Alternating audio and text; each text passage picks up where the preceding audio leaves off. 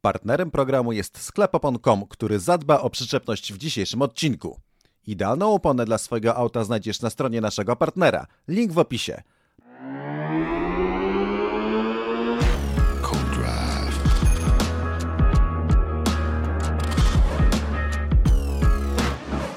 Cold Drive. Numer 43, czyli Witamy przed Grand Prix Meksyku.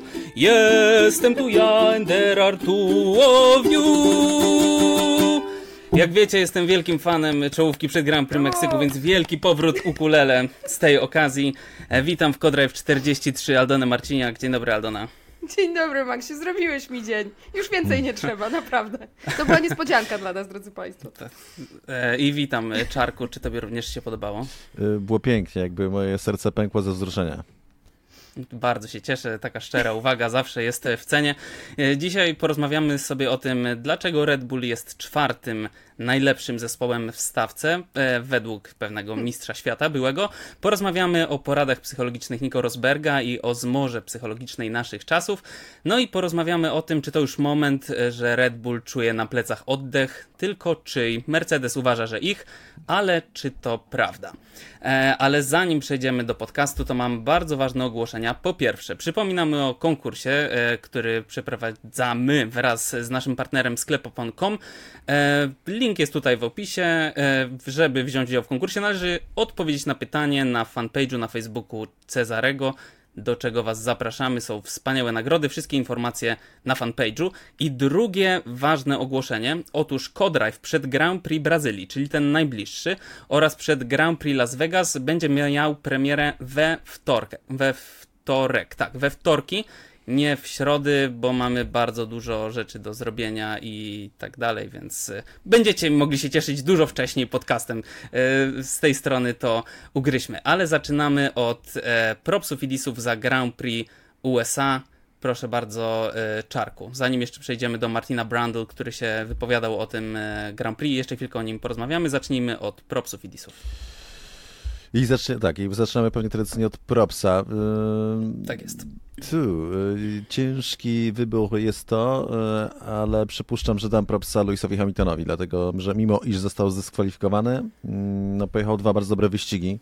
W tym pierwszym to wyprzedzanie Leclerca poza torem, no ale jednak wyegze- wyegzekwowane w sposób taki, w jaki miał prawo to zrobić, kiedy Leclerc nie, nie zostawił miejsca na wyjściu, więc nie zdjął nogi z gazu, rzuciło go nawet na tej terce i mimo tego wrócił na tor i z, pokonał Leclerca w tym miejscu, to, to Charles się nie popisał, a potem świetnie pojechany ten wyścig. Co prawda był tam jakiś drobny błąd jedna w zakręcie numer 11, e, jedyny jego, e, no ale mimo wszystko było to bardzo, bardzo fajne i imponujące. Od piątkowego treningu jedynego było widać od razu, od pierwszych przyjazdów, że ten Mercedes naprawdę dobrze mu leży w ręku i fajnie wyegzekwowany weekend. E, Do, dyskwalifikacja to inna sprawa, e, natomiast no, sama postawa e, godna pochwały, godna propsa. E, Aldona, proszę bardzo. Teraz props od ciebie. No to idziemy, e, propsujemy zdyskwalifikowanych, bo mój props na Charlesa Leclerca. E, Tak naprawdę oczywiście trochę bardziej za kwalifikacje. Okej, pewnie gdyby, gdyby te kwalifikacje piątkowe do wyścigu odbywały się w, zgodnie z tymi e, zaleceniami dyrektora wyścigu, które obowiązywały już na sprint, no to Charles Leclerc tego pole position by nie miał, bo Max Verstappen nie miałby skasowanego czasu za limity toru, ale fajnie zobaczyć Leclerca, który miał już w tym sezonie weekendy, w których e, czuł się o wiele gorzej w samochodzie niż Sainz, to Sainz wygrał wyścig, e, zebrał się w sobie na tym jednym kółku, pole position, fajne. Ja mam e, propsa dla, no nie dla zwycięzcy tym razem, ale tak odnotowujemy, że Max Verstappen wygrał, więc oczywiście nie to, że uważamy, że nie zasługuje, ale mój props dla Lando Norrisa, który po e, kilku gorszych weekendach, mam na myśli przegranych z kolegą e, z ekipy, do Lando jeszcze wrócimy. Tym razem pokonał go w każdej sesji, więc props dla Lando. I teraz disy, dis Cezarego. Ja mam disa dla Estebana Okona za całokształt O. generalnie. Tak, dlatego że... Oskar za cały kształt twórczości? E, Tak, tak, dokładnie, dokładnie. Za, za całościowy dorobek za tę kolizję z Piastri, dlatego że znowu zemściła się na nim jego taka brutalna, bezkompromisowa jazda, coś czym on się jeszcze szczyci. Po prostu nigdy nie wyciąga wniosków z tego, co się dzieje, z tego, że no, jego koledzy z ekipy, każdy jeden no, uważa, że jednak trochę przegina, a do tego jeszcze dochodzą inni e, kierowcy na torze. E, najpiękniejsze w tym jest to, że, że jakby na zasadzie tej karmy po prostu on sam na tym najbardziej traci. E, więc no, ta kolizja, mimo że za tą kolizję z Piastrym nie można obciążyć go w 100%, to jednak uważam, że to jest kolejny przejaw jego zbyt agresywnej jazdy i po prostu no, całościowo wynik tego, jak, jakim jest kierowcą Okon, więc, więc to jest mój dis. Aldona. E, chciałam powiedzieć, Okon tym bardziej utalentowanym od Maxa Verstappena, zdaniem Toto Wolfa, gdy byli juniorami. Pamiętacie tak jest, naszą tak dyskusję? Jest. Oczy, ale oczywiście. w Kodrive. Mój dis z pewnym bólem serca. Mam dwóch kandydatów tak naprawdę, ale wybiorę tego, przy którym serce bardziej mnie boli, czyli e, Daniel Ricardo, który hmm. mm, mówił o tym Cezary, że um, Ricardo musi zrobić... I, no właśnie, to jest ciekawe, bo w sumie my się nie, nie do końca zgodziliśmy. Ja mówiłam, że spokojnie, on teraz już nic nie musi, a Cezary skończyłam cały swój wywód, dlaczego Ricardo już teraz nie musi. musi. A Cezary, kropka, nie, nie, nie. On właśnie teraz musi, musi zrobić przynajmniej to, co Lawson. No ja tak siedzę, kurde. No w sumie masz rację. Więc jeśli iść, jeśli iść tym tokiem rozumowania, no to e, kwalifikacje kompletnie E, beznadziejne w jego wypadku. Ktoś mi powie, że w Q1 tylko 30 między nim a Yuki Tsunodą, ale to była różnica między piątym miejscem a 15. E, w Q2 ktoś mi powie, no ale miał czas sklasowany za limity toru. No tak, ale z tym czasem też by nie wszedł do Q3 i te trzy dychy, które się utrzymały między nimi e, oznaczało różnicę pozycji 11 a 15. O wyścigu nawet mi się nie chce mówić, bo po prostu um, to, to był dramat. To był, to, to był dramat. Ja przez moment miałam nadzieję, nadzieję, że wyjdzie i powie, że to były naprawdę tylko te uszkodzenia i że one były straszne te uszkodzenia i w ogóle, że jechał połową bolidu albo coś takiego. Natomiast, no okej, okay, jakieś uszkodzenia były, ale też po prostu nie było tempa. Więc generalnie kiepski weekend na początek e, powrotu Daniela Ricardo. No, to całościowe wrażenie no. jest dość przeciętne, mówiąc w skrócie, tak? Mm. Już wyścig można wytłumaczyć, tak, że miał tam problem z bolidem, ale generalnie cały ten weekend wyglądał po prostu słabo w jego wykonaniu najlepiej w jego wykonaniu wyglądały wąsy i kapelusz, więc to już no. wiele mówi o, o, jego wyścigu. E, a kto e, był tą drugą osobą, tym drugim kierowcą? Oskar Piastri. Kto miał dostać?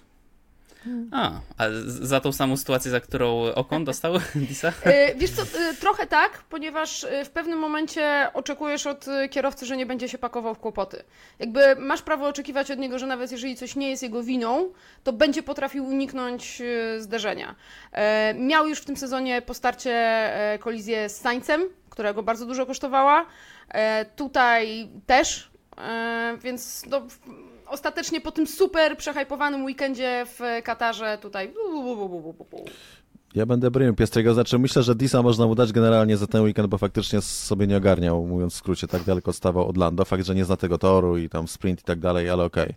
Natomiast za, natomiast za tę sytuację też... też nie znał, no też myślałem w tej sytuacji, patrząc na onboard e, Okona szczególnie, że tak naprawdę to Piastri e, faktycznie jest nawet bardziej winny tej kolizji, ale potem zobaczyłem e, z kamery od góry i zobaczyłem, że tak naprawdę to Piastri postawiał go w bardzo fajnym miejscu, a Okon w tym swoim zbyt agresywnym, defensywnym ruchu pojechał tam, gdzie Piastri nie miał prawa się go spodziewać, gdzie tam, tam gdzie było miejsce, a tam, gdzie Okon nagle po prostu tego miejsca postanowił nie zostawiać w ogóle.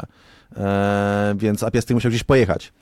Więc no, tutaj bym no uważam, że, że Okon miał duży akurat wpływ na to, że doszło do tego wypadku i że Okon pojechał w, w taki sposób, który zbyt agresywny, który, który ostatecznie bardzo ułatwił zrobienie tej kraksy. Tak bym to zawiesił. O.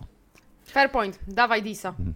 No to jeszcze ja. E, też się zastanawiałem między dwoma kierowcami. Z jednej strony mój etatowy Disowicz, czyli Sergio Perez, bo no, oczywiście było trochę lepiej niż zazwyczaj. E, to jest ten wielki plan, o którym mówił Helmut Marko, że w Stanach będzie już prawie dobrze i na Meksyk będzie dobrze, więc rozumiem, że to jest po prostu ta drabinka. E, ale, ale chyba jednak dam Lansowi Strollowi, który mimo, że miał całkiem niezły weekend, to za tą prześmieszną e, wpadkę i za tą rozmowę na radio. E, Lance, box, box, box. Ah, I forgot. To jest zabawne, ale to, nie, myślę, że powiedzenie, że Stroll miał niezły weekend, to pewne nadużycie, bo miał fatalny weekend, ale no, wyścig no, jak, miał no, naprawdę jak, ten, wyścig tak, miał tak, naprawdę tak, spoko. Chodzi, ostatecznie chodziło mi o końcówkę. o tak, końcówkę, tak. natomiast mojej mili tutaj staje się jakaś niesprawiedliwość straszliwa, w sensie, że e, pewien kierowca po raz pierwszy w karierze e, zapunktował w Formule 1 i nikt nie dał mu propsa. A, faktycznie, faktycznie. I to na swojej ziemi. Sierżancie, Wielki nasze- amerykański sukces. Tak, złoty props dla Logana. American E, Dream. słuchajcie, tak, tak, właśnie, o taką, o taką Formułę 1 walczył. E, I walczy Andretti. E, dobrze, zanim przejdziemy do naszych tematów aktualnych, to wrócimy jeszcze do Grand Prix USA. Dla tych, którzy kompletnie nie oglądali i nic do nich nie doszło, m, po wyścigu zostały przeprowadzone testy. Mm, Zostały sprawdzone cztery samochody. E, Dwa z nich, czyli samochód Hamiltona i Leclerca, nie spełniły normy, miały za bardzo startą dechę w podłodze, przez to zostali zdyskwalifikowani. Hamilton był drugi. E, No i już nie jest drugi po tej dyskwalifikacji, oczywiście, jest w ogóle żaden. E, Natomiast Martin Brundle dosyć mocno wypowiadał, wypowiedział się na ten temat. Powiedział tak: Skoro połowa sprawdzonych samochodów nie przeszła testów, były sprawdzane Verstappena, Norrisa, Hamiltona i Leclerca, Hamiltona, Leclerca nie przeszły, to czy w takim wypadku FIA nie powinna sprawdzić wszystkich samochodów? Odpowiedź jest jasna: powinna. W tym wypadku ma to ogromny wpływ na wynik. E, jeszcze zanim oddam wam głos, to troszkę zajawię, co mówił dalej. E, wspominał o tym, że cały weekend sprinterski jest do poprawienia, e, bo y, jeżeli w ten sposób to działa, że e, prawdopodobnie bardzo wiele samochodów e, nie przeszło testów, a nie przeszło ich dlatego, że zespoły szukają limitów tak, obniżania tych samochodów, żeby, e, żeby poprawić swoje osiągi, ponieważ mają tylko jeden trening, po którym nie mogą już nic poprawiać, to coś tu jest nie tak. E, Co do tego, czy jest szansa, żeby FIA sprawdzała wszystkie samochody, to już mówiliście chyba w wielu miejscach, że byłoby to na tę chwilę niemożliwe, prawda? FIA nie ma takich zasobów, trwałoby to zbyt długo, e, ale, czy, ale zdecydowanie bardziej podoba mi się ta, ta opcja z, ze, zmianą, ze zmianą formatu sprinterskiego. Cezary Gutowski, bardzo proszę. Znaczy rozumiem Martina Blandla, ale moim zdaniem e, ja rozumiem, dlaczego sędziowie nie chcieli wykraczać poza schematy, które są już tak ustalone ponad, poza procedury i szukać większej liczby winnych, dlatego że tym bardziej jakby istniało ryzyko, że musieliby jeszcze zdyskwalifikować więcej kierowców. Wybaczcie sobie, że pół, pół stawki jest dyskwalifikowane po weekendzie sprinterskim. A, a powód jest taki, że po prostu format jest do niczego, że jest tylko jeden trening, bo to była główna przyczyna. Wyboje toru to jedno, ale druga rzecz najważniejsza, to fakt, że po prostu format jest zły, jest, nie nadaje się. To jest topowy sport, w którym sportowcy powinni mieć czas do tego, żeby się przygotować sami. Inżynierowie powinni mieć czas, żeby przygotować bolidy. Nie powinien być tak losowy, tylko powinien właśnie polegać na dążeniu do, do doskonałości, a nie na losowości. A to właśnie wnosi ten nowy format.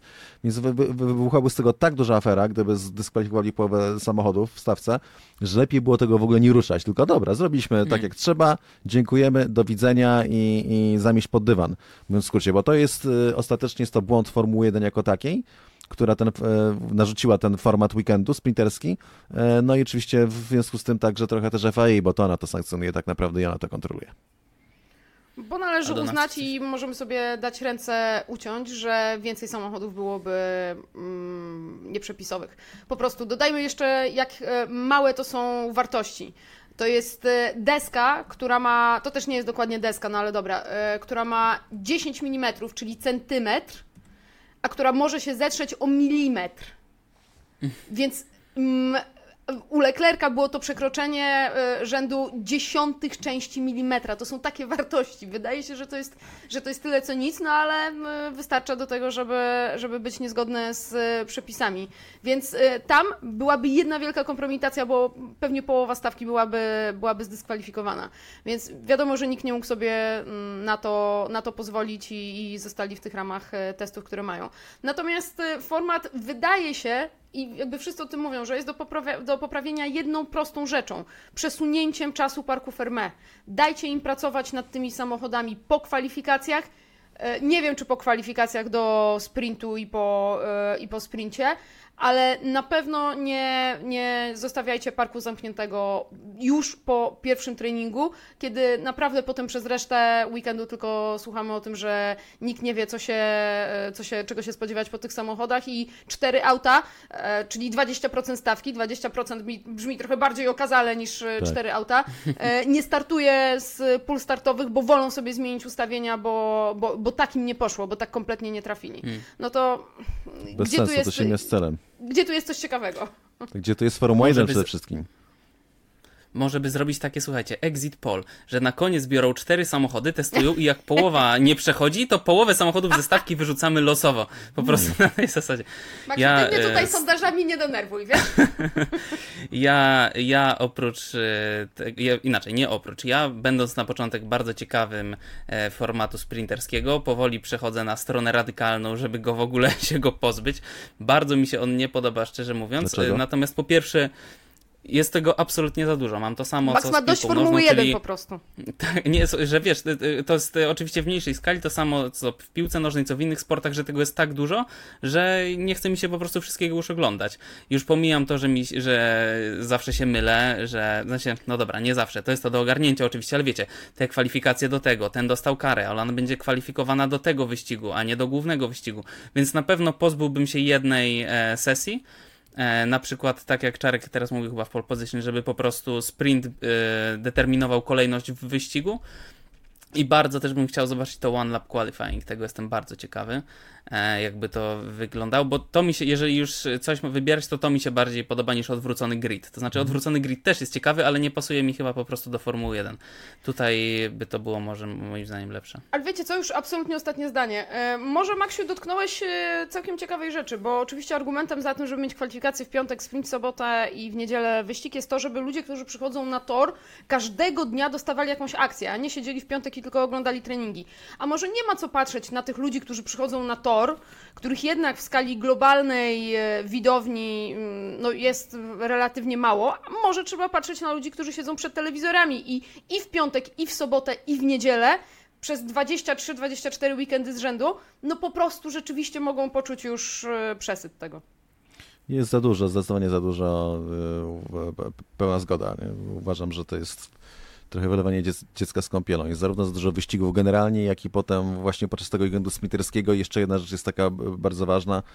E, Jest tyle różnych już formatów i nie wiem, na przykład sposobów przeprowadzania kwalifikacji także, czyli alokacji opon, tak, mamy przecież tę alternatywną alokację op- opon z mniejszą liczbą mieszanek i że pierwsza sesja hardy, druga mediuma, trzecia, e, trzecia na softy i, i ty- tyle jakichś udziwnień, że po prostu realnie ciężko się czasami zorientować, czy pamiętać to wszystko co do czego, co, co jak działa, a ta nadmierna komplikacja tak naprawdę no, nie pomaga po prostu, nie wciąga.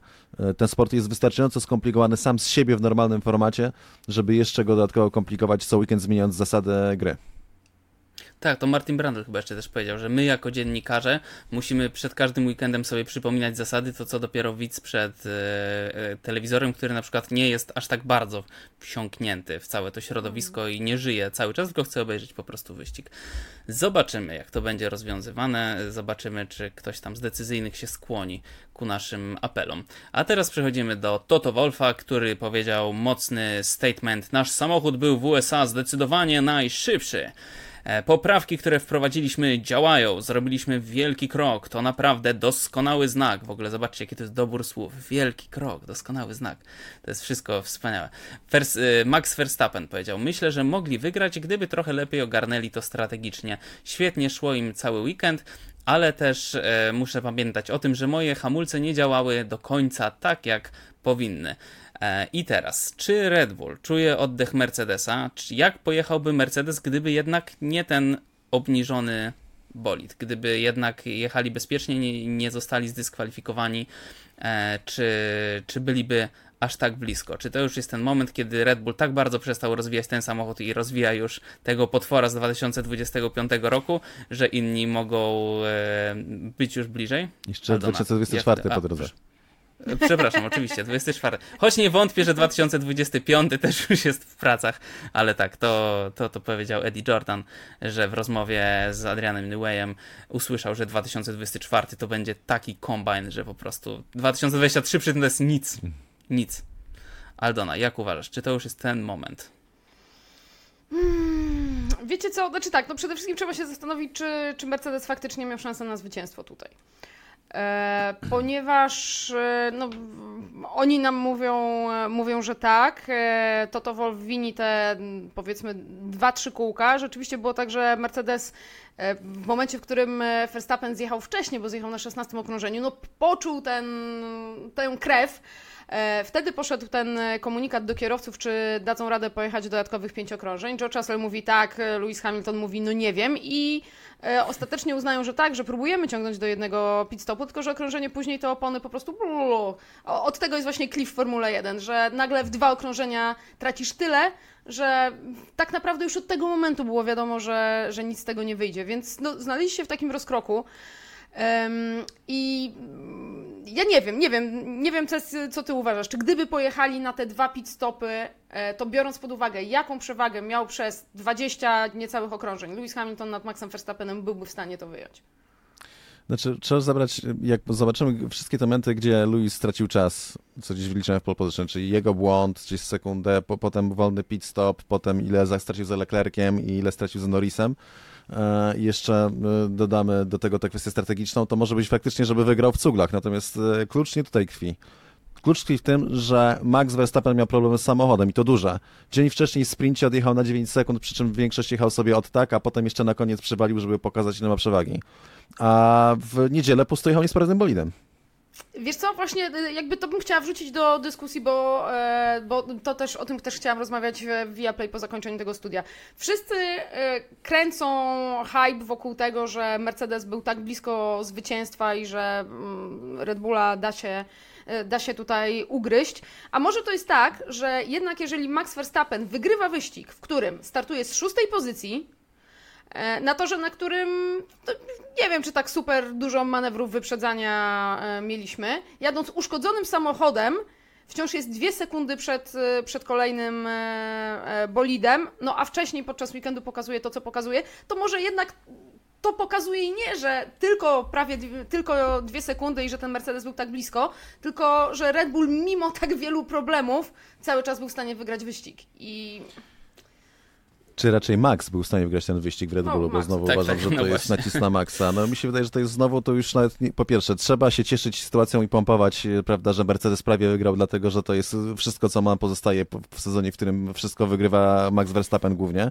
więc trzeba to e, hypować, a dwa, druga jest sprawa taka, że przynajmniej już byli na takiej pozycji, że mogli myśleć o tym, że wygrają, tak? Na tej zasadzie to już jest postęp w porównaniu z tym, co mieliśmy e, w wielu wyścigach, a szczególnie w pierwszej połowie sezonu, tak? Więc wydaje mi się, że to się z tego bierze. Natomiast no, z całą pewnością e, też tempo Mercedesa było bardzo dobre, na oponach medium to trzeba zaznaczyć i także George Russell na medium jechał bardzo szybko. E, natomiast no, nie było lepsze od tempa Red Bulla, co pokazała sobota. W sobotę, kiedy Max nie miał problemu z samochodem, jechali sobie wszyscy jeden stint, no to było bardzo wyraźne, że, że Red Bull był szybszy i to tak, może nie z przewagą kilku sekund, natomiast e, no, ze, ze sporą. Natomiast jeszcze jedna rzecz, na którą chciałem zwrócić uwagę, to powiedziałem też proposition, ale, ale myślę, że to nie, nie wybrzmiało. Dla mnie to był jeden z, na, jeden z najlepszych wyścigów od lat, bo teraz Aldana mówiła, że nie było za dużo wy, wyprzedzania. Ale moim zdaniem... E, Strategicznie było super. Właśnie patrząc na to, co się działo na stoperach, jakie były różnice między bolidami, one nie były duże, ale były. I na to, co działo na torze, to był właśnie idealnie wyważony wyścig. Mogło być troszeczkę więcej wyprzedzania jeszcze, odrobinkę, czy to równiejsze szanse, ale generalnie zwróćcie uwagę, po pierwsze było bardzo, bardzo ciekawie, patrząc właśnie na stopery, na to, kto jak jedzie stint, na jakich oponach, a to jest naprawdę bardzo ciekawe, na tym polega Formuła 1, tak naprawdę, bardzo inteligentny sport. Raz, a dwa, mimo tego, że te różnice były bardzo małe, to jednak kiedy trzeba było wyprzedzić, to było wyprzedzanie. Udało się. Trzeba było powalczyć, trzeba było trochę e, pokombinować, ale ostatecznie dało się. Więc e, wydaje mi się, że akurat na tym torze, w tych warunkach, w tym wyścigu zostały trafione te proporcje, na których zależało e, Formuły 1, kiedy wprowadzono obecne przepisy. Że to, to, akurat, e, to akurat się tutaj zrealizowało, że tak generalnie w idealnym świecie, gdyby chcieli, to tak by wyglądała większość wyścigów, być może odrobinkę więcej wyprzedzania i niepewności, kto wygra. Natomiast to do zasady to jest właśnie to. To jest właśnie ten pik, czyli nie za dużo wyprzedzania na DRS-ie w połowie prostej, mm -hmm. ale z wyprzedzaniem i właśnie też z tym patrzeniem na czas okrążeń, to, to jest kwintesencja Formuły 1. Myślę, że to jest taki wyścig, który mógłby połączyć i tych hardkorowych fanów, i tych nowych fanów. Było coś i dla tych, i dla tych, e, ale też odnotujmy statystycznie, to było 50. zwycięstwo Maxa Verstappena w karierze. E, dla tych e, z widzów, którzy na przykład Formułę, Formułę 1 oglądają od niedawna, na przykład od dwóch czy trzech lat, to tak, żeby wam pokazać w skali, e, jeżeli wam się wydaje, że Verstappen wygrywa po prostu non-stop od jakiegoś czasu, to Hamilton ma 103 zwycięstwa, e, a, a Verstappen ma 2,50, więc jeszcze drugie tyle Mm. i będzie mógł Mhm. się z nim mierzyć, ale zobaczymy, czy mu się nie znudzi mm, do tego czasu. A teraz przechodzimy do tematu, który jest moim zdaniem super ciekawy i zacznie się naprawdę długim, ale naprawdę ciekawym e, cytatem Nico Rosberga. Litwa, ojczyzna mistrza moja. A, przepraszam. Tak. Urszulko. E, Czy to jest ten dowcip? E, K- który? Nie, przepraszam, o Urszulce to nie, Nie, bo nie, to nie. bardzo smutny jest. Ja do dziś pamiętam, jak idzie to, jak się zaczyna. Ale jest podejrzenie, że te sonety to były tak naprawdę pisane, że tam bardziej był to popis poetycki Kochanowskiego niż faktycznie przejaw krwiącego serca, bo zdaje się, że jedna, jeszcze jedna córeczka mu zmarła i jej chyba tylko jeden wierszyk poświęcił. Ale zastanawiam się nad tą kwestią w ogóle, że tak wejdę w topa, Hmm. bo też myślałem o tym, że Chris Ria na przykład napisał e, piosenki dla swoich córeczek. E, Josephine i drugi Julia. I tak się zastanawiam, kurde, nie? I teraz ta Josephine to był wielki hint. Ta Julia taka, no zabawna, ale teraz jak te córki, nie? I ta e, Josephine, dla jej ojciec napisał na jeden ze swoich największych hitów, a to tej Julii taką popierdółkę, pi, pi, pi, pi, to nie wiem, na, na, jakby na miejscu Josephine byłbym bardzo rozczarowany. Czy, czy będąc Oj. ojcem i mając córki, jakbyś miał drugą córkę, Max, to byś napisał dla nich obu piosenkę, czy jednak byś się trochę krygował ze względu na to, że jedna może się czuć niedoceniana? Nie, może wtedy po prostu napisać jedną piosenkę dla obu, więc jak będzie beznadziejna, to po prostu... A, masz rację, samo nowe rozwiązanie. tak, no, w ten sposób. E, dobrze. E, cytat z Nico Rosberga, byłego mistrza świata, kierowcy, który pokonał e, Louisa Hamiltona w tym samym zespole, przypominam. E, Norris kontra Piastri. Myślę, że gdy Lando nie miał godnego rywala w zespole, to szło mu świetnie. Ale kiedy patrzymy na Katar, to widzimy Norrisa, któremu nie idzie, który ma problem, żeby złożyć to jedno idealne kółko. Oscar pobił go i w sobotę, i w niedzielę. Lando wpada w spiralę złego samopoczucia. Powtarza to, że się nie nadaje, a przecież ma historię nie najmocniejszej psychiki. Przez 10 lat mojej kariery współpracowałem z psychologiem. Naprawdę sporo o tym wiem. Dwa dni po dwie godziny ćwiczyłem z psychologiem. To było bardziej wyczerpujące niż zajęcia fizyczne. To w dużej mierze dzięki temu zostałem mistrzem świata. Chciałem napisać Lando, że mówienie nie jestem wystarczająco dobry to jedno, ale liczy się to, co mówisz do siebie potem. Trzeba unikać mówienia, że nie jest się wystarczająco dobrym, dobrym, przepraszam, w kółko i w kółko i w kółko i w kółko. I ja się bardzo, ale to bardzo zgadzam z Nico Rosbergiem. To znaczy, nie chcę tutaj wpadać, wiem też, e, Czarku, jakie masz mocne zdanie na ten temat. Nie chcę, nie uważam, że, że trzeba mówić cały czas jesteś zwycięzcą, jesteś zwycięzcą i tak dalej. Natomiast Moim zdaniem w dzisiejszych czasach to jest ogromny problem i nie tylko wybitnych sportowców na szczycie swojej dyscypliny, ale też y, ludzi, którzy po prostu normalnych, nie sportowców, o to mi chodzi, zwykłych, nie, to jakoś brzmi negatywnie. Nie, nie, po prostu wszystkich to poczucie bycia niewystarczająco dobrym. E, czy, czy zgadzacie się po pierwsze z Rosbergiem, że to jest właśnie taka spirala i że trzeba z niej uciekać? I czy zgadzacie się ze mną, że to jest e, e, klątwa naszych czasów? To właśnie poczucie bycia niewystarczająco dobrym cały czas. Aldona słucha. Wiecie co? E, znaczy tak, ja mam. Zacząłeś od tego, że, że wiesz, jak, jak, jak mocną opinię ma na ten temat Cezary. I ja tutaj, y, Cez, wybacz, ale Wybaczam. że się wtrącę od razu. Natomiast y, nawet gdzieś ostatnio, jak był Światowy Dzień Zdrowia Psychicznego, bla, bla, bla, w jakiejś dyskusji natrafiłam na wspomnienia tego, że no wszyscy wiemy, jakie tutaj były negatywne głosy, gdy któryś tam e, kierowca powiedział, że korzysta z pomocy psychologa. Ja mam wrażenie, że to, powiedział, to, co powiedział Cezary, zostało kompletnie źle zrozumiane, że ludzie po prostu nie wiedzą, co czytają, nie wiedzą, nie wiedzą e, czego słyszą To na pewno. e, e, czego słuchają e, i tylko szukają interpretacji, które, które im się podobają. W żadnym punkcie wtedy Cezary, mam takie wrażenie, nie powiedział, że korzystanie z pomocy psychologa jest złe. Powiedział Nie. tylko jedną Nie, nie, rzecz. Jeżeli jesteś na szczycie sportów motorowych, to na każdym polu chcesz udowodnić każdemu rywalowi swoją wyższość. I elementem tego jest niemówienie publiczne o swoich słabościach. I o tym właśnie mówi. Nico Rosberg teraz. Jest jakiś powód, dla którego Lewis Hamilton jeszcze kilka lat temu, kiedy to nie było tak strasznie na świeczniku, powiedział I don't feel like I need a shrink. Shrink, jeszcze shrink, który jest bardzo potocznym określeniem e, Negatywnym wręcz. psychiatry. E, Max Verstappen, pytasz, e, pytano to, czy korzysta z pomocy psychologa sportowego. Nie, ja tego nie potrzebuję. I don't need that. I co oni robią za kulisami, to jest inna rzecz, ale oni chcą przekazać wszystkim dookoła czuję się super mocny. I tyle. I do tego pije Nico Rosberg, że Lando Norris tego nie robi, że Lando Norris pokazuje, nie czuje się wystarczająco mocny. I, i że no jakby no okej, no może nie ma w tym nic złego, ale no, no stare pytanie, pytanie, jak ty faktycznie, faktycznie siebie traktujesz. Więc to jest jedna rzecz a propos tego.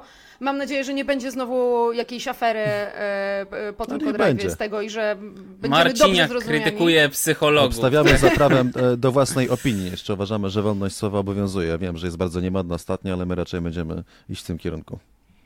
Tak, wolność E, wyrażenia jest- opinii.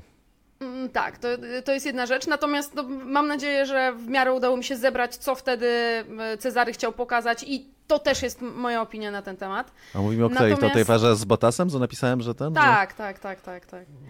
E, natomiast y, a propos tego, Maksiu, o czym mówisz, że, że zmorą naszych czasów jest to, że nie, nie czujemy się mm, wystarczająco dobrze. Y, Przepraszam, znów to może będzie off topic, a ostatnio zwrócono nam uwagę, że może mniej y, rozmów pozawyścigowych. Natomiast A my, od, a my odpowiedzieliśmy, że będziemy i tak. No. Natomiast ja mam akurat, prawdę mówiąc, problem odwrotny i, i cała taka narracja, która występuje w, nie wiem, postach social mediowych, typu wrzucisz swoje zdjęcie, przepraszam, nie wiem, w stringach albo coś tam i wrzucisz do tego jakiś cytat e, światopoglądowy, który mówi o tym, że ty jesteś wystarczający, jesteś dobry taki, jaki jesteś. Okej, e, natomiast to trochę blokuje drogę do jakiegoś samorozwoju. No, czasami nie jesteś dobry taki, jaki jesteś. Czasami warto jednak sobie pomyśleć, że nie wiem, może fajniej by było, gdybym wcześniej wstawał i bardziej korzystał z dnia, więcej robił w swoim życiu. Albo może fajnie by było, żebym był bardziej empatyczny w stosunku do swoich kolegów. Może następnym razem nie wkurzę się, jak ktoś, nie wiem, będzie plotkował o mnie za, za plecami, tylko pójdę to jakoś rozwiązać. Może jednak nie jesteśmy enough tacy, jak jesteśmy, tacy, jacy jesteśmy, tylko zawsze możemy być w czymś lepsi. Yy, I prawdę mówiąc, mi ta mm, narracja mówienia sobie, ja raczej uważam, że jesteśmy w trybie narracji, yy, że wszyscy jesteśmy fajni, tacy jacy jesteśmy. Okej, pewnie tak, ale to nie oznacza, że nie możemy być lepsi. Więc ja akurat, Maksiu, się z Tak. Tobą nie zgadzam. Moim zdaniem nie jesteśmy jako społeczeństwo w ogóle, yy, pokolenie, czas w 2023 roku, nie jesteśmy w trybie e, nie jesteś wystarczająco dobry. Jesteśmy w trybie, jesteś świetny, keep it up. A trzeba czasami pomyśleć nad Moim, można moim zdaniem to są y, troszkę. Dziękuję bardzo. Nie, y, po pierwsze, moim zdaniem to są troszkę dwie jednak inne rzeczy, bo oczy, w pełni się zgadzam, że mówienie, że jesteś w 100% dobry taki, jaki jesteś, może prowadzić do tego, że po prostu się nie rozwijasz. Oczywiście. Chodzi mi o, o przesadzanie w drugą stronę. O ten taki ciągły pęd yy, i wmawianie sobie, że nie jesteś dobry, kiedy na przykład rozwijasz się, kiedy już jesteś na tym etapie, że się rozwijasz, ale ciągle never enough, jak mówi jedna z ulubionych piosenek Ce- Cezarego. O to mi chodziło. Nie, nie, nie, nie, nie twierdzę, że trzeba by się zatrzymać i w ogóle nie szukać tego pola, gdzie można być jeszcze lepszym. E, chodzi mi o, o, o, tą, o tę drugą stronę. Dobra, no Ale to proszę wracamy tej- do Formuły 1. Cezary, czy Norris słusznie robi, czy Leclerc, który się tak samo biczował, słusznie robi? Właśnie, bo jeszcze Leclerc, tak. Mogę też Od- powiedzieć jeszcze też ewentualnie? No tak, no Wiesz, właśnie. Przegadaliście właśnie cały temat, już dlatego- miałem milion myśli, kurde, nie pamiętam, co chciałem powiedzieć. Jest to bardzo, zacznijmy od tego, że są różni ludzie i potrzebują różnych, e, e, różnych bodźców, mówiąc w skrócie. Jeden potrzebuje, żeby go kopnąć w tupę i powiedzieć, ja byłem zawsze tak chowany, że mi zawsze pokazywano, z jednej strony mi zawsze mama mówiła, że mogę zrobić e, wszystko, jak sobie tego zapragnę, ale z drugiej strony byłem, e, była nastawiona do- mnie krytycznie i pokazywała mi, że jednak, i tak samo jak ojciec zresztą, że jak coś nie robiłem wystarczająco dobrze, czy po prostu niedobrze, no to mia- miałem taki sygnał, że wiedziałem, że mogę to zrobić lepiej. I teraz jedni ludzie potrzebują, żeby ich głaskać po głowie tylko i to są ludzie, którzy zazwyczaj moim zdaniem niewiele osiągną. Inni ludzie potrzebują tego, żeby właśnie ich zachęcać i pokazać, że mogą więcej. Świat budują i rozwijają ludzie silni, którzy do czegoś dążą, którzy, którzy nie mają dosyć. A y, niszczą go ludzie słabi, którzy się zadawają byle czym i uważają, że są zajebiści, tacy są y, i tyle, moim zdaniem. W sensie, że, że po prostu ktoś to jest z siebie cały... Teraz ta kultura narcyzmu tak się rozwija. Ludzie, którzy uwa- uważają się za y, super, tak się teraz szczególnie dziewczyny chowa, w ogóle jest wielki kryzys w tym, w tym, w tym momencie zrobiony z tego powodu. To są ludzie, którzy tak naprawdę szukają dziury w całym, szukają problemów tam, gdzie ich nie ma, po prostu są, nie, nie mają ambicji. E, Lando e, ma ten problem, że on pochodzi z bardzo bogatego domu, bardzo bogatego domu, więc to jest ciężkie dzieciństwo moim zdaniem, jeśli chodzi o aspiracje, bo masz wszystko podane na dłoni. On nie musiał wywalczyć tych rzeczy, które dajmy na to musiał wywalczyć Lewis Hamilton. Co prawda Lewis akurat miał też dość łatwą karierę do pewnego momentu, ale do tego momentu musiał naprawdę dużo wisiało na włosku i, i trzeba było dużo ryzykować. Więc George, wie, więc Lando potrzebuje jakichś trochę innych bodźców i uważam, że to jego samokrytyka jest właśnie jemu jest potrzebna.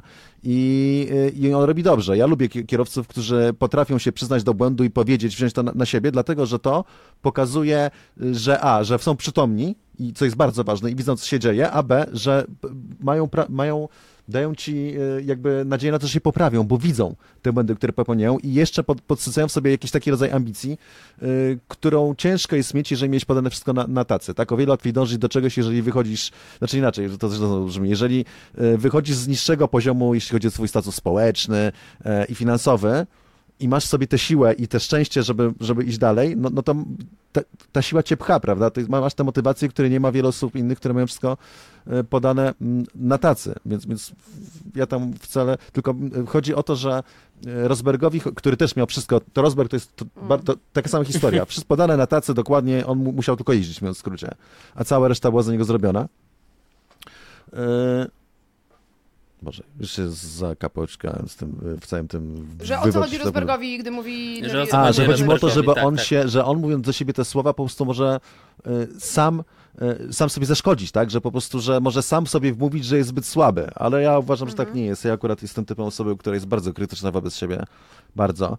E, I mnie to bardzo dużo mi to dało w życiu, mówiąc w skrócie, że zawsze jednak miałem takie podejście, że się skupiałem na tych rzeczach, które które robiłem źle albo które dało się zrobić lepiej. Teraz mam już trochę łatwiej, bo już, już pewne rzeczy osiągnąłem, więc... Bo wszystko robię super. Nie, ale robię przynajmniej, większość rzeczy robię tak dobrze, jakbym chciał minimum, co nie znaczy, że, że nie da się mhm. ich zrobić lepiej, broń Boże, ale przynajmniej coś tam w, w, tym względzie osiągnąłem, jeśli chodzi o mój craft. Natomiast jeśli chodzi także podsumować, jest taki film mocno dyskusyjny, mamy to, takiego wspólnego znajomego, czy wręcz przyjaciela Wojtka, który na przykład tego filmu nie lubi, mamy zupełnie inne światopoglądy, to jest Whiplash. I fakt jest taki, to jest doskonały film. To jest doskonały film. E, I tak bardzo jak rozumiem, że, że ten, prawda, ten dyrygent, tak, ten, ten był kawał syna i po prostu naprawdę no, był straszną osobą, to jednak ostatecznie to, co w tym filmie widzimy na koniec, to to, że ten chłopak, który miał wybitny talent i który to wszystko przetrwał, on wygrał, tak? On przełamał go właśnie tym, że, że napędzany i drażniony i wręcz no, znęcał się nad nim psychicznie, co to dużo mówić, doszedł do tej doskonałości, tak? Na koniec to skinięcie głową, że tak, to był ten, to było to solo, które genialne, tak, że osiągnąłeś ten szczyt. I on by tego szczytu nie osiągnął, byłby bardzo dobrym perkusistą do końca życia, ale nie byłby najlepszy z najlepszych, gdyby nie został przez to przetargany. I akurat w jego przypadku to się sprawdziło. I to jest ja dla mnie taka właśnie idealna droga, taki, ten facet coś osiągnął, nie na koniec, ten, ten, ten perkusista właśnie.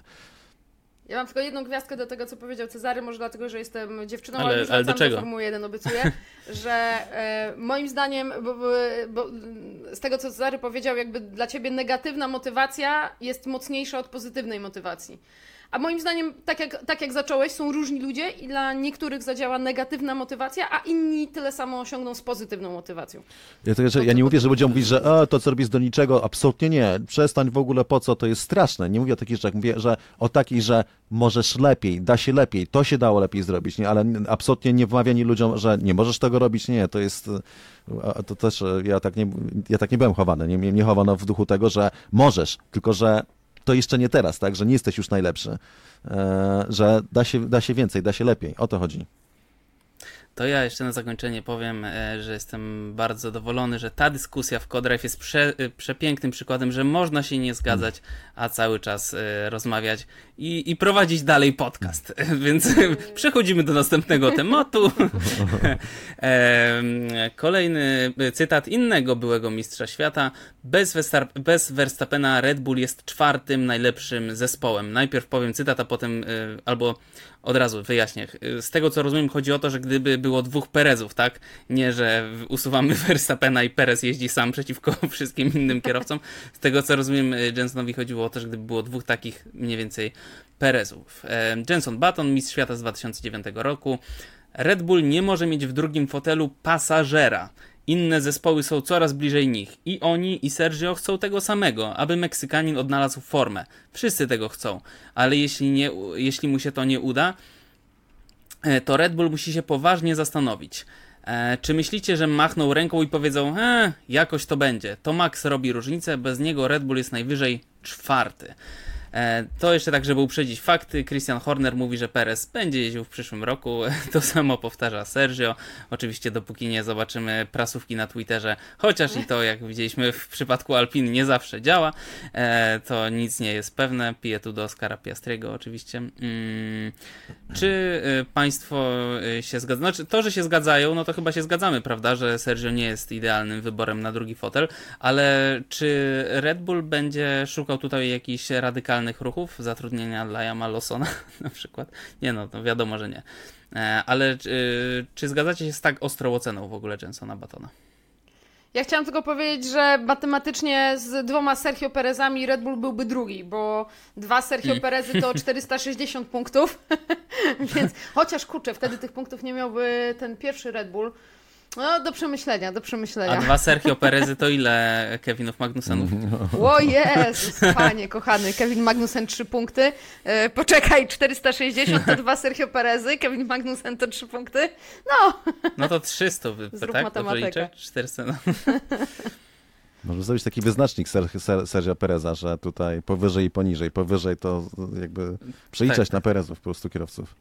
ilu, ilu to Perez? 1,7 Pereza. Tak, Max Verstappen to chyba 1 trzecia Pereza, 30% czy coś takiego, najwyższa nota. W sensie Perez to 1 trzecia Verstappen. Perez, tak, tak, tak, czyli no, Max Verstappen to trzech Perezów, tak? No nie, no bo im więcej Perezów to chyba wielka, większa kicha. Nie, chodzi o to, że jakby, jak, jeżeli liczymy, że Perez to jest jakaś jednostka i jego umiejętności, więc żeby okazać y, lepsze umiejętności, to musisz dodawać te Perezy. Wiesz, tak jak jedna wenta to było 7 sekund kiedyś y, w czasach piłki ręcz, y, ręcznej pierwszych tak. sukcesów od lat. Wyjdźmy z tego, tak, Czarku, ja czy zgadzasz rozumiem. się z ostrą czy zgadzasz się z ostrą oceną Jensona Batona? Absolutnie, nie ma się co nie zgadzać, tak po prostu jest. Eee Red Bull zapędził się w byczy róg. E, I no po prostu w całym swoim obozie tego wspaniałego programu młodych kierowców, co go tak się nim chwalił Helmut Marko, choć ostatnio przestał mocno się nim chwalić, nie ma żadnego kierowcy, który mógłby usadzić w prawym fotelu obok, e, obok Pereza, a jedyny kierowca, który na tym etapie daje nadzieję, znaczy obok Verstappena, no i fotelu Pereza, a jedyny kierowca, który daje taką nadzieję, to ma przesiedzieć, już nie, już nie jeździ i ma przesiedzieć cały przyszły sezon. Więc po prostu nie wiem, co oni tam kombinują. To jest jakaś totalna skrajność. To jest absurdalne dla mnie. I kto ma. Załóżmy, że Perez będzie jeździł w przyszłym roku w Red Bullu, tak? Bo takie są plany, tak mówią. No to mm. dobra, no to w 2025 roku zwalnia się fotel. To kogo z obecnych kierowców oni wezmą na ten fotel? Kogo przetestują? Jak w przyszłym roku mają jeździć Ricardo i Tsunoda, a Lawson nie, to co, wezmą. Y, Ricardo, moim zdaniem, nie będzie o wiele lepszy. Po prostu już to, moim zdaniem to, co miał najlepsze w sobie, też pokazał. Max od tej pory poszedł jeszcze wyżej, o wiele lepszym kierowcą niż wtedy, kiedy jeździł z Ricardo po prostu. Czy nie możemy wierzyć, że ten ostęp między Ricardo a Maxem będzie taki sam, jak w momencie, kiedy Ricardo odchodził z Red Bulla. On będzie większy. Więc y, kogo oni wtedy stają w 2025 roku? Nie mają nikogo, bo Tsunody nie wezmą, to było jakieś totalne samobójstwo. E, Ricardo będzie za słaby, e, Pereza raczej wątpię, że cokolwiek lepiej zrobi, a Lawson nie będzie miał doświadczenia w Formule 1. Będą się wziąć kogoś z zewnątrz. Lando Norris? He. Uwaga, pomysł. Każdy zespół wybiera sobie jednego kierowcę, następnie jest pula 10 pozostałych kierowców, z których się dolosowuje do zespołów co roku drugiego kierowcę. Kto by chciał to zobaczyć? Ja. Dobra, okej. Okay. Fantastyczne. Eee, ładna pogoda dzisiaj, chociaż było chłodno. Eee, no dobrze.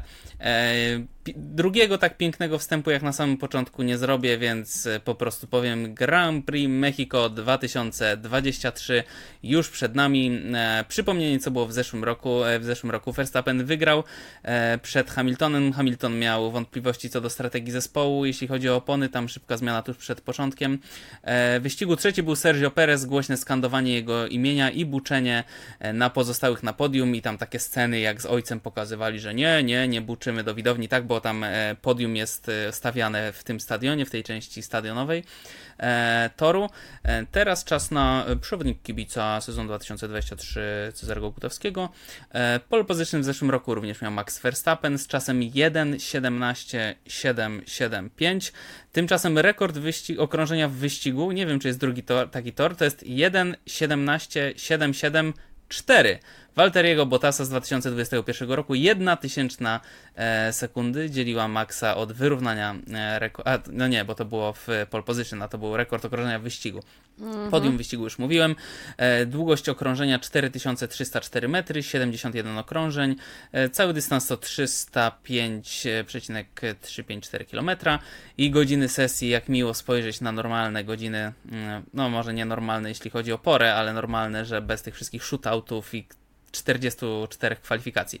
Piątek 27 października, pierwszy trening o 20.30, drugi trening o 24.00 o północy, sobota 28 października, trzeci trening o 9, e, przepraszam, 19.30 i kwalifikacje o 23.00 i w niedzielę wyścig znowu o 20.00 pierwszej. E, po pierwsze, e, wy się nie wybieracie, prawda, do Meksyku w tym roku?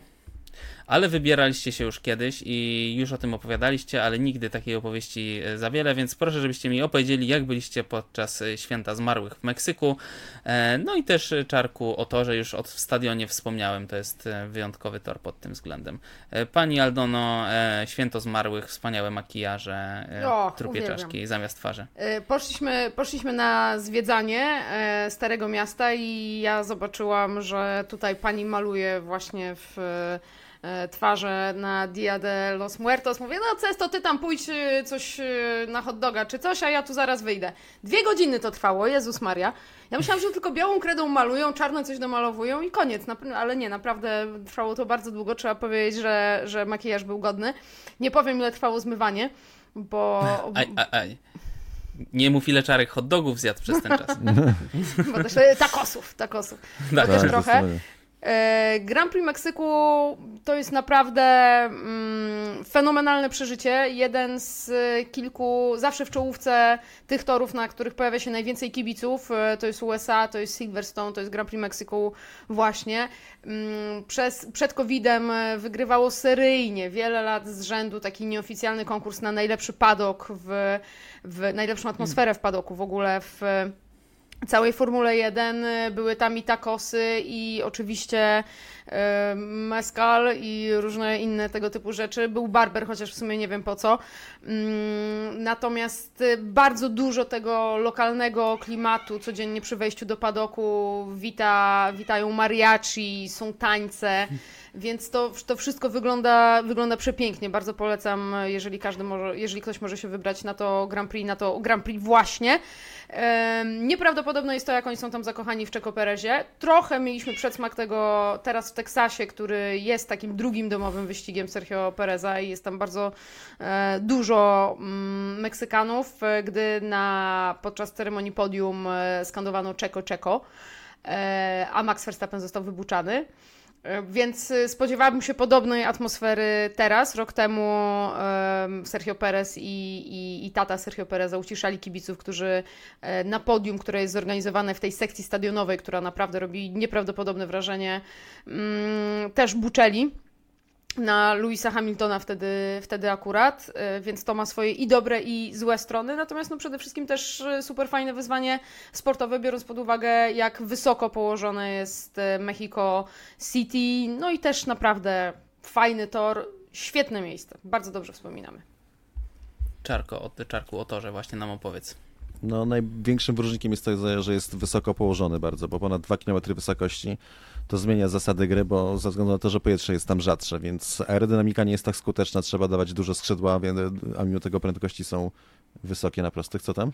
Jedna tylko rzecz, że y, ja nie wiedziałam, że tak będzie, gdy pierwszy raz tam y, lądowałam, ale nie, nie wiedziałam, jak to dokładnie będzie się czuć, więc czuję się to, słuchajcie, już na podejściu do lądowania, że ten no. samolot Naprawdę on się zachowuje inaczej, gdy ląduje w, e, na takiej wysokości przy takim Szybciej leci przede wszystkim.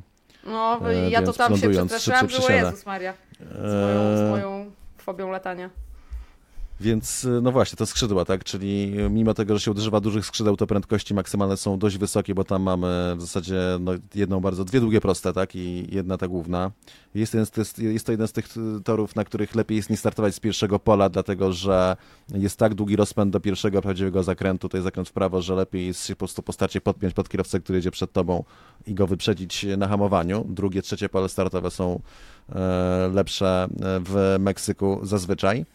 Mm, y, rzadsze powietrze to są oczywiście problemy z e, chłodzeniem, e, nie tylko silników, ale także czasami hamulców. Trzeba to naprawdę dobrze wyliczyć i weekend sprinterski w Meksyku byłby dość problematyczny z tego e, właśnie powodu. Lżejsze powietrze to jest mniejsza moc silników spalinowych i być może też takie przesunięcie trochę bardziej na, na systemy hybrydowe, że tak bardziej skuteczne te, co lepiej zbierają energię i lepiej ją oddają skuteczniej, to po prostu mogą mieć trochę przewagi więcej, no bo siła, jakby prąd, e, moc elektryczna nie jest zależna od tego, ile jest e, tlenu w powietrzu, w skrócie. To się z tego bierze.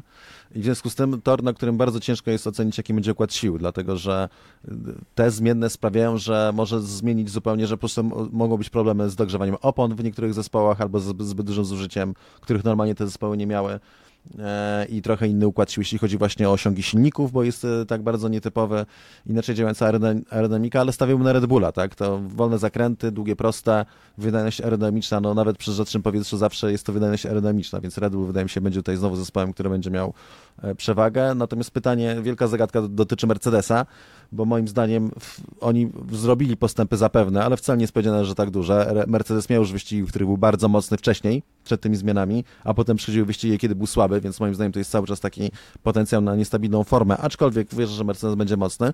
Myślę, że Ferrari może być mocne w tym wyścigu, że Ferrari może być mocne w Meksyku, będzie miał znowu szansę na to, żeby pole position, myślę, może nie pewniakiem, ale, ale będzie łatwiej. Potem na dystansie wyścigu, no zobaczymy, ale też tor jest chłodniejszy, co powinno pomóc McLarenowi. Co prawda McLaren w tych wolnych zakrętach to tak niby średnio, ale od pewnego momentu, od upgrade'ów w Austrii późniejszych tak naprawdę właśnie ten czynnik wolnych zakrętów zniknął. E, tak więc no znowu uważam, że prawdopodobnie będzie ciasno, ale, ale ciężko jest się wstrzelić w te dokładne przewidywania. Tor jest dość krótki, co oznacza, że będą korki, szczególnie podczas Q1, ale będzie właśnie gadanie, będą problemy z blokowaniem innych kierowców na torze, to tego też możemy e, oczekiwać i generalnie tor, na którym się fajne wyścigi odbywają. Jest to tor, też, tor zazwyczaj śliski, tam jest szczególnie na początku. Jest to tor trudny, techniczny, tak? Kierowcy mają problemy, z, mają przygodę na torze w, w Meksyku, więc y, jest to zdatek na bardzo ciekawy weekend, na dobry weekend. Jedna rzecz, co niestety jest słaba, to znowu te pory e, organizacji sesji, dlatego że zresztą tak samo jak problem był w Stanach Zjednoczonych. Dlaczego sobota była tak późno? Nie mam pojęcia, ale to zupełnie nie miało sensu, więc też się zastanawiam się, dlaczego są kwalifikacje o 23, kiedy e, wyścig może być o 21, tak? To jest moim zdaniem tak, po prostu tak, głupie. Zdecydowanie. To jest bardzo późno, naprawdę. Już szczerze mówiąc, mi o tej 23 to już tak nawet ciężko się skupić, jak tak, już tak oglądam, no wiecie. Tak, jakby, jakby, była, dzień, jakby tak. była czerwona flaga, to bym przysnął po prostu. Jakaś dłuższa. A, a propos tego jeszcze tak jedną rzecz chciałem powiedzieć, tego, że ci szybsi w tych zakrętach, ci szybsi w wolniejszych, ci w szybszych.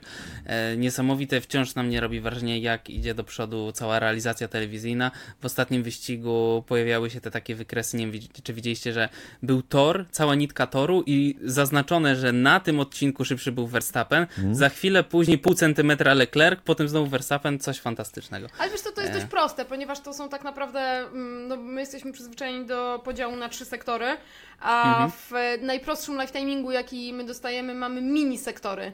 I to jest odzwierciedlenie hmm. tych mini sektorów i to jest rzeczywiście, to okay. może być, wiesz, 200 metrów e, okay, nawet okay. I, i na tej podstawie to się da dość łatwo na grafikę przełożyć. Widzicie, czyli jak coś wam się podoba, to po prostu powiedzcie to Aldonie i ona powie, dlaczego to wcale nie jest fajne. E, to jest gwarantowane. Niszczy całą radość w ogóle. Masz rację, beznadziejne te grafiki. Wyłączcie je. E, no dobrze, teraz skoro Czarek nam tak przedstawił e, tutaj układ sił, że w zasadzie trudno go przedstawić, to czas na nasze podium za Grand Prix Meksyku 2023. Tym razem ja zacznę, Aldona będzie druga, a Czarek trzeci, bo ostatnio musiał dużo razy zaczynać. Moim zdaniem podium będzie wyglądało tak. Verstappen, Piastri, ha. Perez. Verstappen, no, Hamilton, Perez. Hmm. Verstappen. E, czekajcie, muszę się zastanowić. A, zaryzykuję. Leclerc, e, Verstappen, Perez.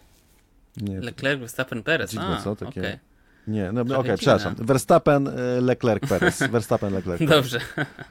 Słuchajcie, a może Max Verstappen będzie chciał oddać to, co zabrał w poprzednich latach Perezowi Tak, i go na przepuści na końcu, prawda? To Z kokardką. byłby tak, Z pocałowaniem w rękę.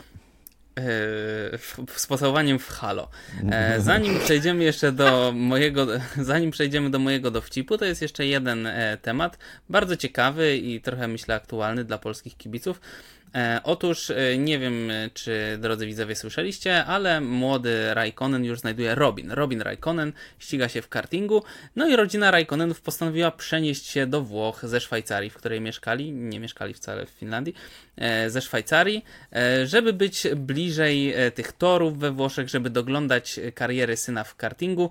E, Młody Robin podpisał kontrakt z CRG Kart. Z tego co zna- znalazłem, jest to zespół, w którym startowali m.in. Hamilton, Rosberg czy Verstappen. E, Z takich mm, bardziej lifestyle'owych Kimi kupił dom nad jeziorem Como, więc e, można, wiecie gdzie go szukać, gdzie jest nieuśmiechnięty, siedzi. E, no i teraz. Tak, łagodnie uśmiechnięty, uśmiechnięty po fińsku, tak? E, co mają, e, ale teraz mniej zabawna rzecz. Co mają powiedzieć młodzi kierowcy, tacy jak na przykład e, Kacper Sztuka, który jest powiedzmy już troszkę wyżej w tej e, hierarchii, chodzi mi o formuły.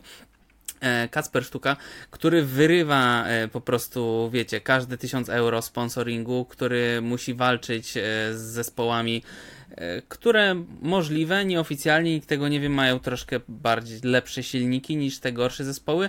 Co mają zrobić tacy kierowcy, kiedy wchodzi Robin Raikkonen i możliwe, że jego droga będzie wyglądała tak, jak powiedział Cezary o drodze Ros Rosberga, że on ma po prostu tylko jeździć. Nazwisko jest, jeżeli nie będzie jakimś totalnym e, fight łapą, który po prostu zupełnie nie będzie mu szło, e, tylko będzie odnosił jakieś tam sukcesy, to drogę ma już wybrukowaną pomocą. Nie wiem jak to, nie wiem jak to nazwać. To, to nie jest nowy temat oczywiście, ale Aldona, jak ty to widzisz? Czy no to tak było, jest i będzie, prawda? Ale czy w, ty, Znaczy w obecnych tak, czasach Tak, tak, po pierwsze tak było, jest i będzie. To, co jest pocieszające, to to, że ostatecznie gdzieś to się kończy i myślę, że historia Mika Schumachera jest takim Mhm. przykładem i fakt, że Mick Schumacher ostatecznie e, no, zweryfikowany w Formule 1 teraz raczej szuka swojej przyszłości w wyścigach długodystansowych. Co tam, Maksiu?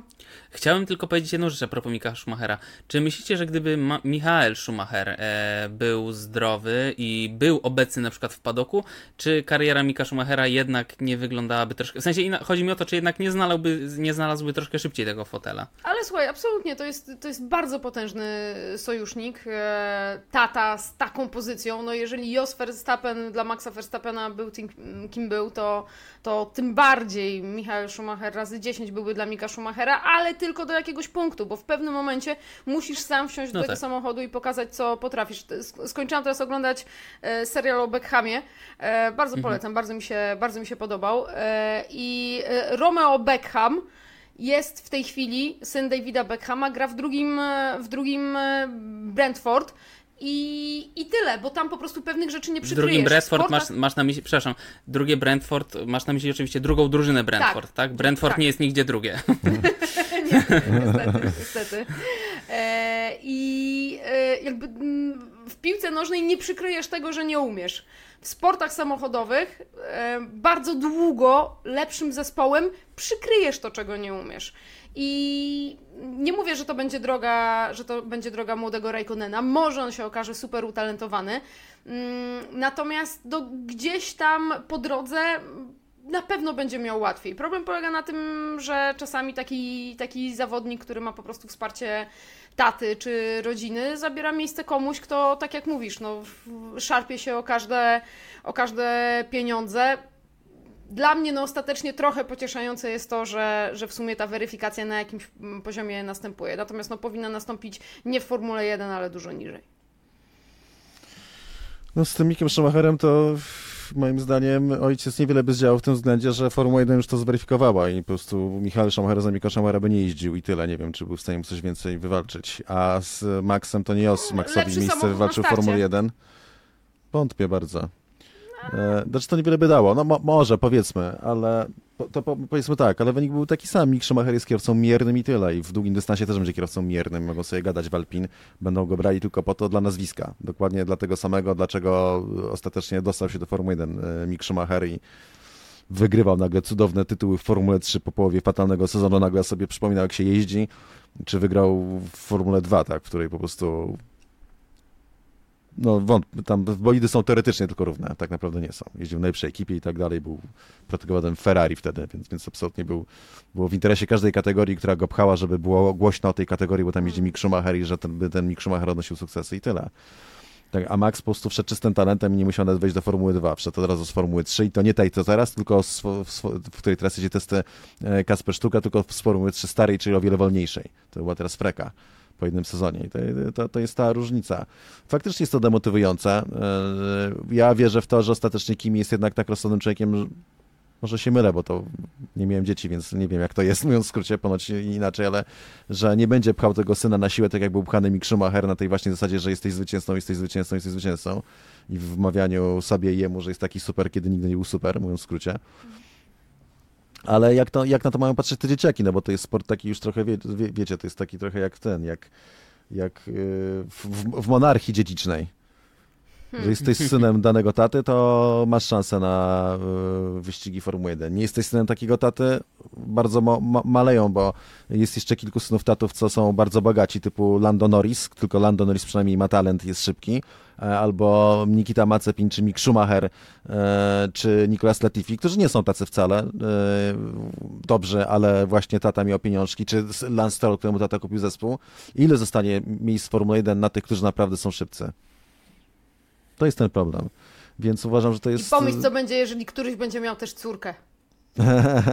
z, z teraz się dzieją osobne jaja, nie? W sensie, że robią teraz, okej, okay, robią te akademie i, i, tak dalej, ale już słychać, bo się trochę tym interesuje, jakie są patologie w niższych kategoriach. Raz, że bierze się jakieś dziewczyny, bo Formuła 1, już formułne zespoły muszą mieć jakieś protegowane, więc bierze się dziewczyny, które w kategoriach ogólnych po prostu nic nie osiągnęły i były bardzo, bardzo słabe, no ale w tej Formula One Academy czy w jest, czyli tych żeńskich, to coś tam powiedzmy sobie dawały radę, ale też na poziomie kartingu, gdzie są, jak są te wybory y, dziewczyn, które jeżdżą, to wybiera się te dziewczyny, które na przykład zespół organizujący testy bierze dziewczynę, która jeździ w jego barwach tak czy inaczej sezon, prawda, zamiast brać te dziewczyny zdolniejsze.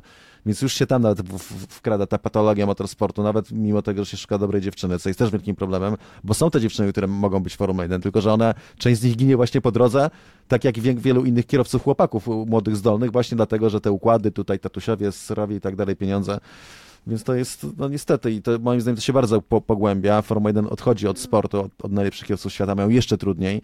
Tym bardziej, że o wiele łatwiej jest wyszkolić kierowców, więc teraz ci, którzy są wybitni, już nie mają takiego, jako że można tyle jeździć i w symulatorach, i w kartingu, jest cała telemetria i y, błędy nie są tak karane, bo tory są dostosowane do tego, że jak popełnisz błąd, to nie masz wiru, zazwyczaj tylko wracać i tak dalej. Cały ten szereg czynników sprawia, że albo masz kierowcę, y, który y, na papierze no dobra, no, jest szybszy od jednego, ale od drugiego, ale o 20 sekundy. Jeżeli w ogóle jest szybszy, bo też jeszcze sprzęt idzie zatem e, lepszy, jak masz pieniądze, no ale ten drugi jest wolniejszy o dwie dychy, ale wniesie ci do zespołu 30 milionów dolarów na przykład. No to bierzesz tego, co ci wniesie 30 milionów dolarów, dlatego że dopóki nie będzie u ciebie jeździł, to nie zobaczysz tej różnicy, którą robi, tak jak Max Verstappen, bo jest po prostu świetny i w tych sytuacjach, w których ten drugi e, będzie dawał ciała, to on będzie dojeżdżał do mety. Nie, nie zobaczysz tego, zobaczysz tylko ten czas okrążeń i to, że dostaniesz 30 milionów dolarów albo 50, za które a, rozwiniesz bolid, że będzie, wiesz, że nadrobisz tę stratę do tego kierowcy zdolniejszego, bo więcej nadrobisz e, udoskonalając bolid, niż mając lepszego kierowcę, a dwa jeszcze na boku przytulisz sobie, wiesz, parę procent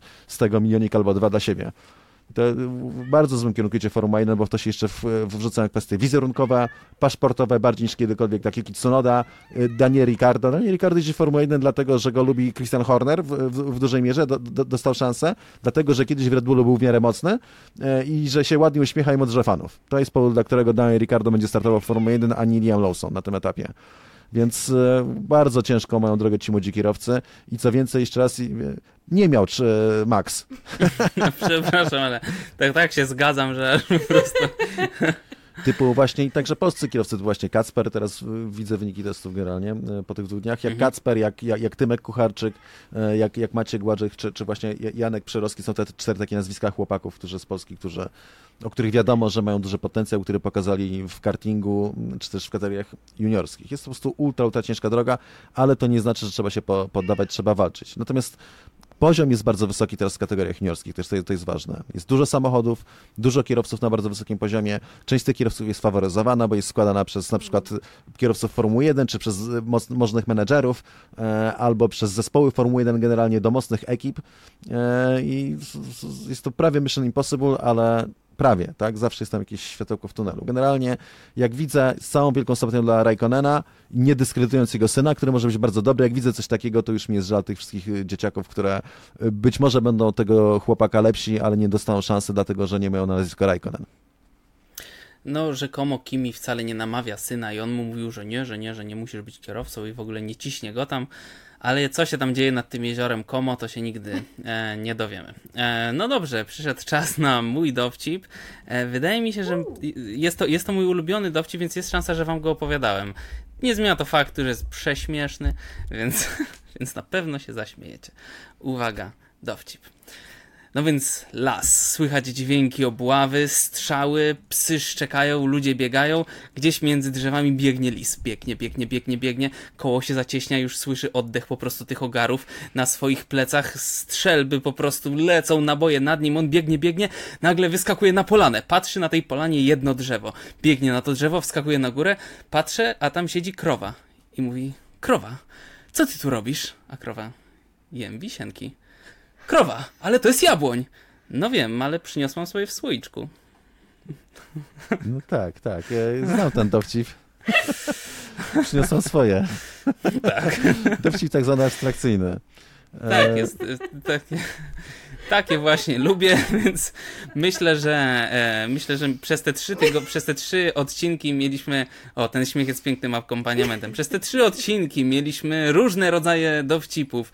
Jeżeli wam się podobały, to piszcie, to będę zmuszał ich, e, żebyśmy wymyślali lub znajdywali kolejne i je e, czytali, jeżeli. E, no, czytali, mówili. Jeżeli podobał Wam się w ogóle odcinek, też oprócz dowcipu, to też e, napiszcie. e, Tam są takie kciuki, łapki, można dawać, e, subskrybować. Przypominam, że do piątku 27 października można jeszcze wziąć udział w konkursie, który organizujemy z naszym partnerem sklepopon.com. Zachęcamy, są wspaniałe nagrody do wygrania. A na dzisiaj to tyle. Dziękuję Wam bardzo i słyszymy się za tydzień i nie w środę, tylko we wtorek będzie premiera przed Grand Prix Brazylii. Dziękuję i do zobaczenia. Pa! Thank you. Thank you.